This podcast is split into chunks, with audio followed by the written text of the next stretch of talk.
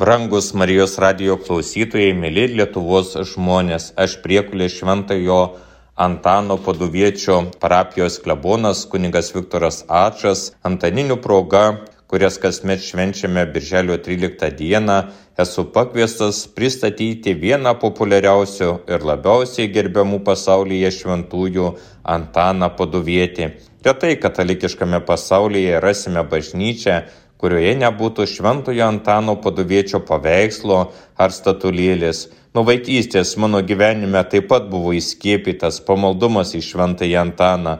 Pamenu, kaip vaikystėje su džiaugsmu vykdavau į Šventojo Antano atlaidus, švenčiamus kaimininėje Upino švenčiausiosios mergelės Marijos vardo parapijoje, kaip gimtosios svarstėžių Šventojo Roko parapijoje choras vis užvesdavo himną į Šventąjį Antaną kaip artimieji pamokydavo melstis į šventąjį Antaną, kai kas nors man nesisekdavo ar pamesdavo kokį daiktą. Neveltui pasirinkau ir sutvirtinimo vardą Antaną.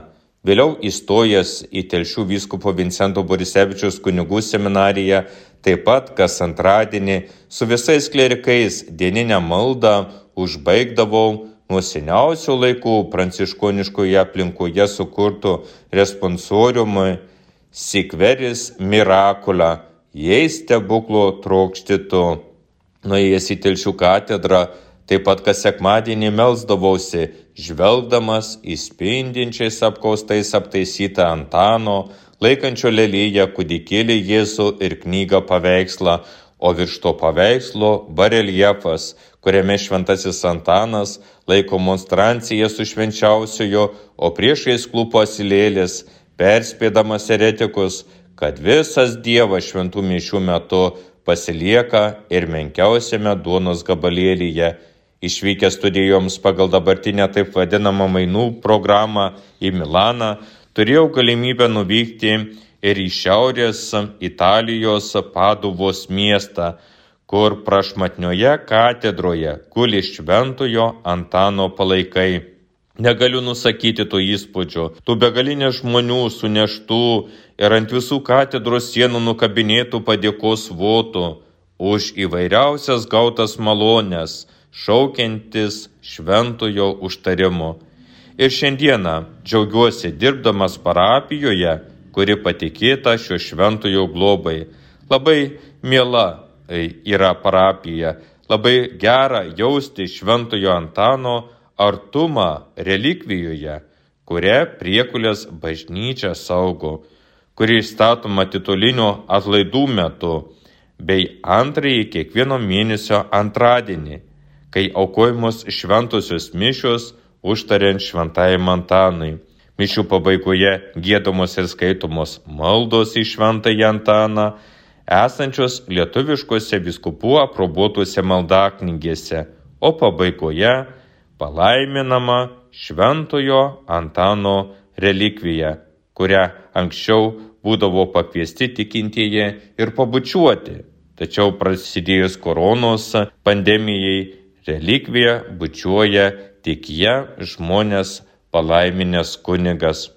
Šių liturginių metų kalendorius Šventąjį Antaną pristato kaip kuniga, bažnyčios mokytoją, misionierių, pamokslininką, Šventojo Pranciškos Asižiečio mokinį ir sekėją kuris Lietuvoje yra Vilkaviškio viskupijos ir daugybės Lietuvos bažnyčių ir parapijų globėjas, taip pat vargšų, moterų, jaunamirčių, gimdyvių, vaikų globėjas, padedantis apsisaugoti nuo šėtono pinklių kitų pavojų bei pagelbstintis visiems surasti pamestus ar kitaip prarastus daiktus. Tai ištaigingų Augustino kanauninko vienuolynų vienuolis, kuris tapo elgetaujančių pranciškonų. Todėl šventasis Antanas ir vaizduojamas kaip vienuolis pranciškonas, laikantis rankose šventojo rašto knygą bei baltą lelyje, kaip tyrumo ir skaistybės simbolį taip pat labai dažnai vaizduojamas laikantis ant rankus kūdikėlį Jėzų. Antanas Paduvietis yra šventasis, kuris mirė Italijos šiaurės rytuose esančiame mieste Paduvoje 1231 m. birželio 13 d. bet gimė pagal tuo meto supratimą pasaulio pakraštyje esančiame mieste Lisabonoje 1195 metais rūpiučio 15 dieną per žolinis. Portugalų, turtingų ir įtakingų didikų, tačiau autentiškų katalikų šeimoje, kurie pakrikštijo savo sūnų tuo metu Portugalijoje tarp žmonių žinomo populiariu Ferdinando vardu. Ferdinandas lietuvių kalboje reiškia drasus ramybėje. Labai mažai žinoma apie Ferdinando vaikystę ir paauglystę. Tik tiek, kad nesižavėjo lengvu gyvenimu.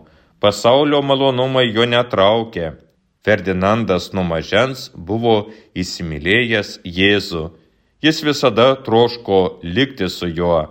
Vaikystėje Ferdinandas lankė prie Lisabonos katedros veikusią viskupijos mokyklą o sulaukęs 15, kiti sako 16, 1210 metais įstojo į Augustinų kanauninkų vienuolyną, kuriame gavo gerą filosofinį, teologinį bei kanoninį išsilavinimą. Lisabonoje kilminga, žinoma, jaunąjį vienuolį Ferdinandą lankė daugybė žmonių, kurie nuolat atitraukdavo dėmesį nuo Jėzos Todėl jis pasiprašė perkeliamas į nuošalesnį vienuolyną.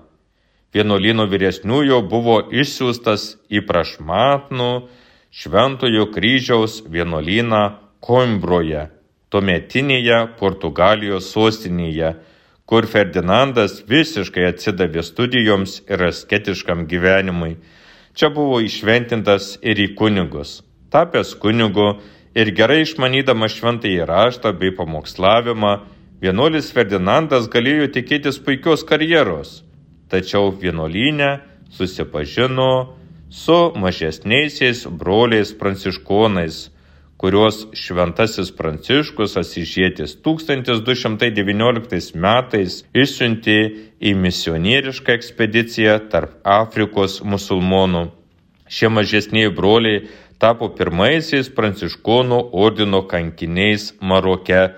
Sužinojęs apie jų kankinystę Maroke, Ferdinandas pajuto didžiulį skausmą, o taip pat ir troškimą šių brolių pavyzdžių numirti dėl Kristaus. 1220 vasarį į Kombros Šventojo kryžiaus bažnyčią buvo atgabenti nukankintų penkių brolių pranciškonų Ferdinando draugų palaikai.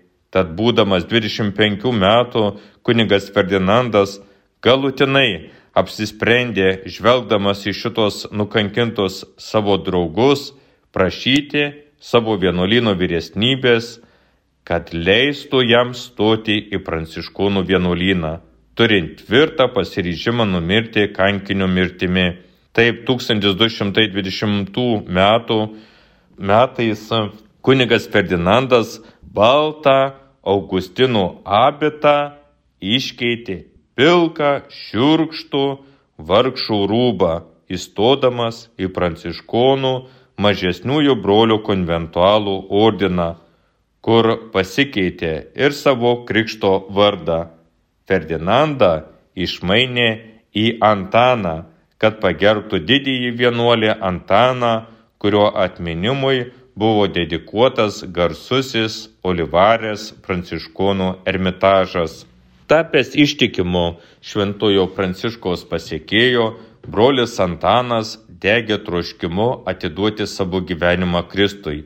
Tad netrukus po noviciato buvo įsiūstas liudyti Kristaus į Maroką kaip brolio Filipo palydovas. Brolio Antano kankinystė Šiaurės Afrikoje visiškai nebuvo Dievo planuose. Vos įžengęs į arabų žemės, jis smarkiai susirgo ir suprato, kad kankinystės troškimas kilo iš jo ambicijų, iš jo užgaidų, o ne iš Dievo.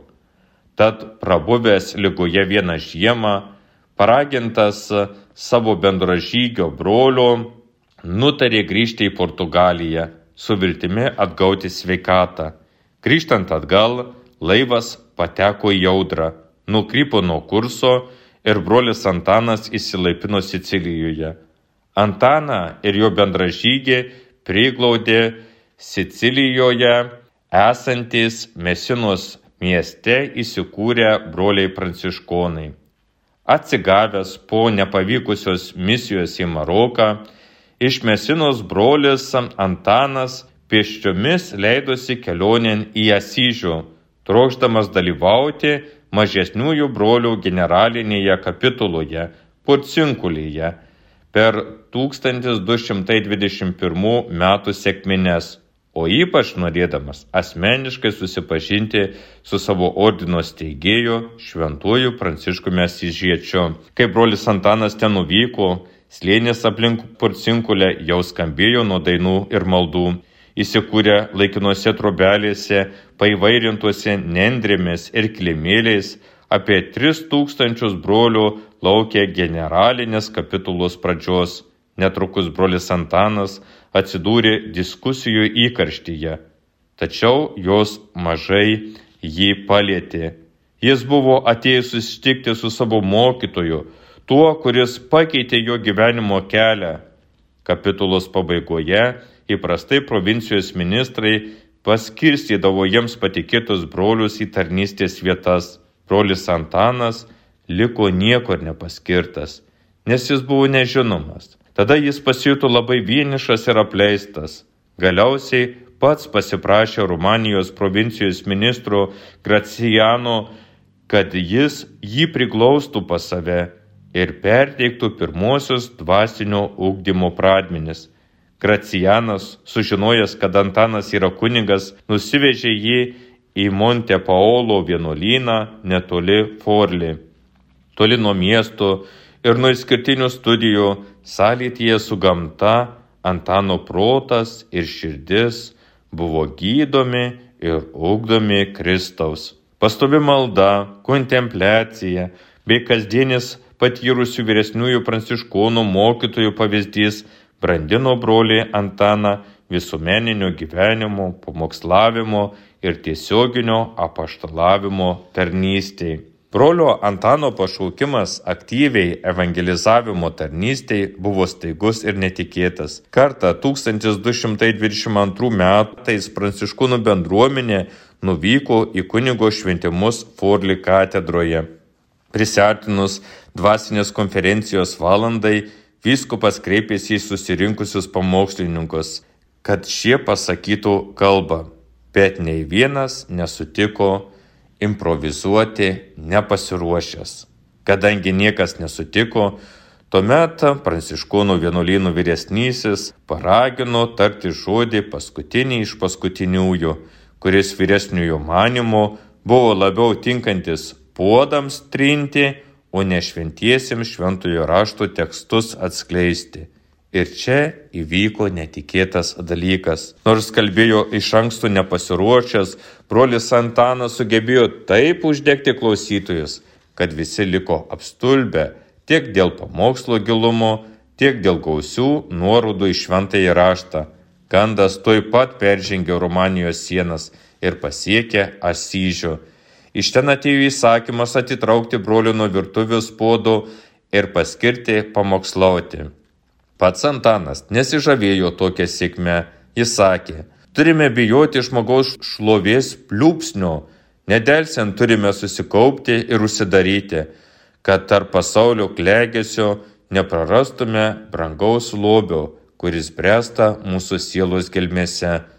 Nuo tos dienos iki paskutinio savo gyvenimo atodusio, be jokių pertraukų brolis Antanas atliko pamokslininko tarnystę. Pranciškonų ordino steigėjas Šventasis Pranciškus Asižėtis, sužinojęs, kad į ordiną atėjo nepaprastas teologas, šios žinios nepriėmė taip jau lengvai. Pats persimetimas iš vieno vienuolyno į kitą jau Šventajam Pranciškui kėlė tam tikrų įtarimų. Be to, įsiskirimas intelektualinėmis duotybėmis galėjo atnešti tam tikrą disbalansą bendruomenės gyvenime, lemti atsisakymą įsipareigojimo gyventi tikro skurdo ir tarnystės gyvenimą. Tačiau šventasis Pranciškus nusiramino pamatęs, kad šventasis Antanas buvo be galo nuolankus, kad nesididžiavo teologijos titulu, bet teologiją naudojo paprastiems žmonėms paaiškinti tikėjimo tiesas. Tada šventasis Pranciškus broliui Antanui suteikė teisę dėstyti broliams pranciškonams teologiją. Leidime dėstyti teologiją universitete Pranciškus Asižėtis rašė, mano brangiam broliui Antanui, brolis Pranciškus siunčia sveikinimus Jėzuje Kristuje. Aš džiaugiuosi, kad jūs mokysite šventos teologijos mūsų brolius, nepakenkiant nei mūsų šventoms maldoms, nei pamaldumui pagal mūsų šventas taisyklės. Šventasis Antanas nulankiai dėstė Bolonijos, Montpellier, Tulūzos universitetuose, tačiau pati didžiausia brolio Antano charizma buvo jo pamokslavimas, kurio jis kelbė krikščionybės didybę. Brolio Antano pamokslai sužavėjo netumetinį popiežių Grigalių IX, kuris labai vertino Antano veiklą. Jam net pavedė parengti savo pamokslų rinkinį, o patį Antaną pavadino testamento skrynę. Brolis Antanas kasdien pamokslaudamas labai daug jėgų atidavė kovai su įvairiomis erezijomis bei vykdydamas liaudės katechezes. Ir taip Kristui laimėjo daugybę sielų. 1231 metais brolis Antanas susirgo ergotizmo lyga ir išvyko į Kampo Sampiero miškingą vietovę. Ten jis paskutinės dienas leido. Brolis Antanas mirė pakeliui į Paduvą 1231 m. birželio 13 d. būdamas 36 metų amžiaus. Šventojo kanonizavimo byla buvo tuoj pat pradėta dar 1231 Liepą, o jau kitais metais, nepraėjus metams laiko, gegužės 30 dieną, popiežius Grigalius IX, kuris labai gerai pažinojo šventąjį Antaną Spoleto katedroje, Antaną paduvietį pakėlė į altorių garbę o 1946 metais sausio 16 dieną popiežius Pijus XII šventąjį Antaną paskelbė bažnyčios daktaru. Popiežiaus Benedikto XVI komentaru pamoksluose esantis dvasinio mokymo turtingumas buvo toks didelis, kad 1946 m.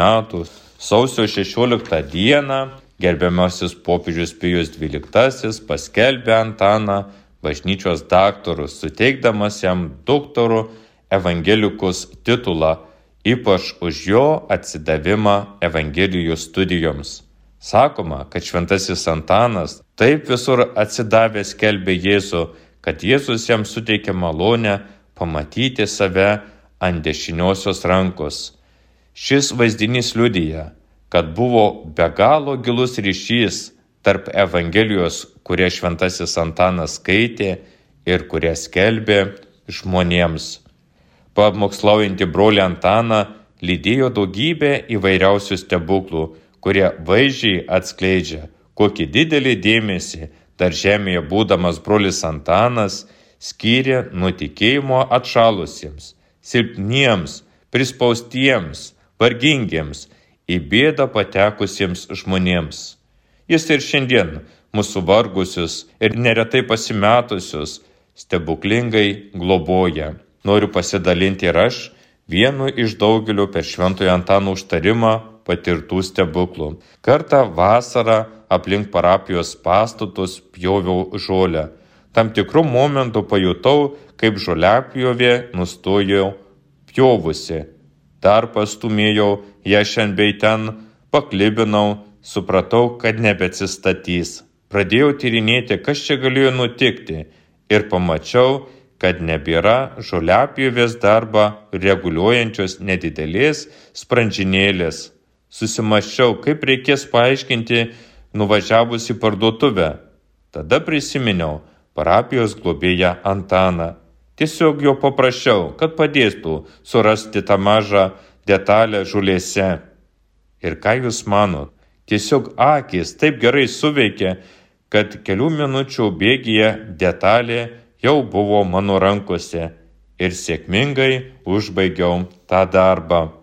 Gal kam klausantis šios istorijos atrodo visai nestebuklas, bet man tuo metu atrodė kaip tikrų tikriausias stebuklas.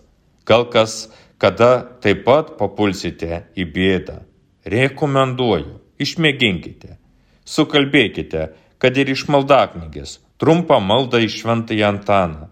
Tuomet tris kartus sukalbėkite švenčiausiosios trejybės pagarbinimo maldą ir pasakykite, ko norite gauti iš šventojo Antano. Patikėkite, liksite ne vienas nustebinti. Nuoširdžiai dėkoju Marijos radijoj už suteiktą galimybę papasakoti apie didį šventąjį Antaną visiems klausytojams už kantrybę, klausant pasakojimo ir visiems tikintiesiems, kurie pamokote šalia esančius melstis į šventuosius, prašant jų užtarimo.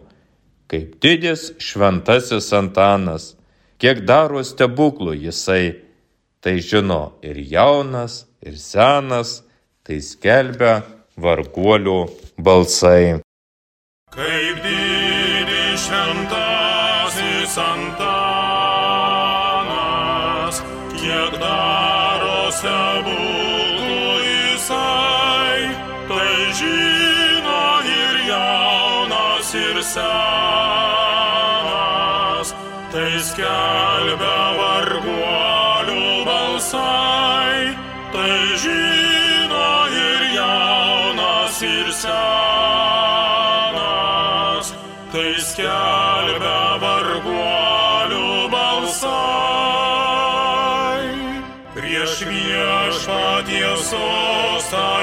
jam stojus, nelaimės vargai ar lyga, pagundos visokis pavojus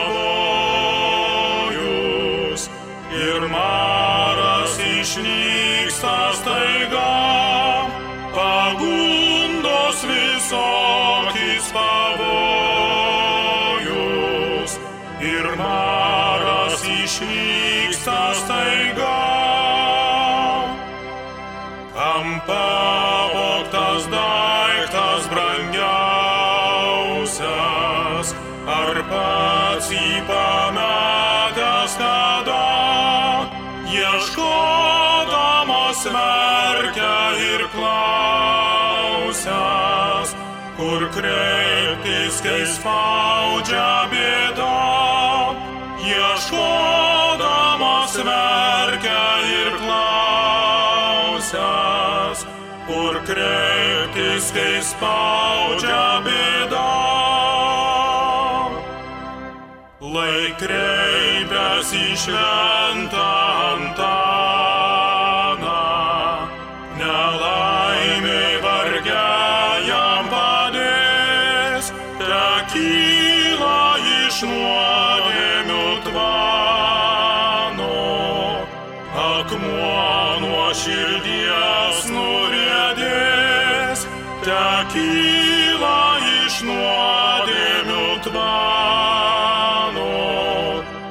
akmuo nuo širdies nurėdės. Šventasis Antanai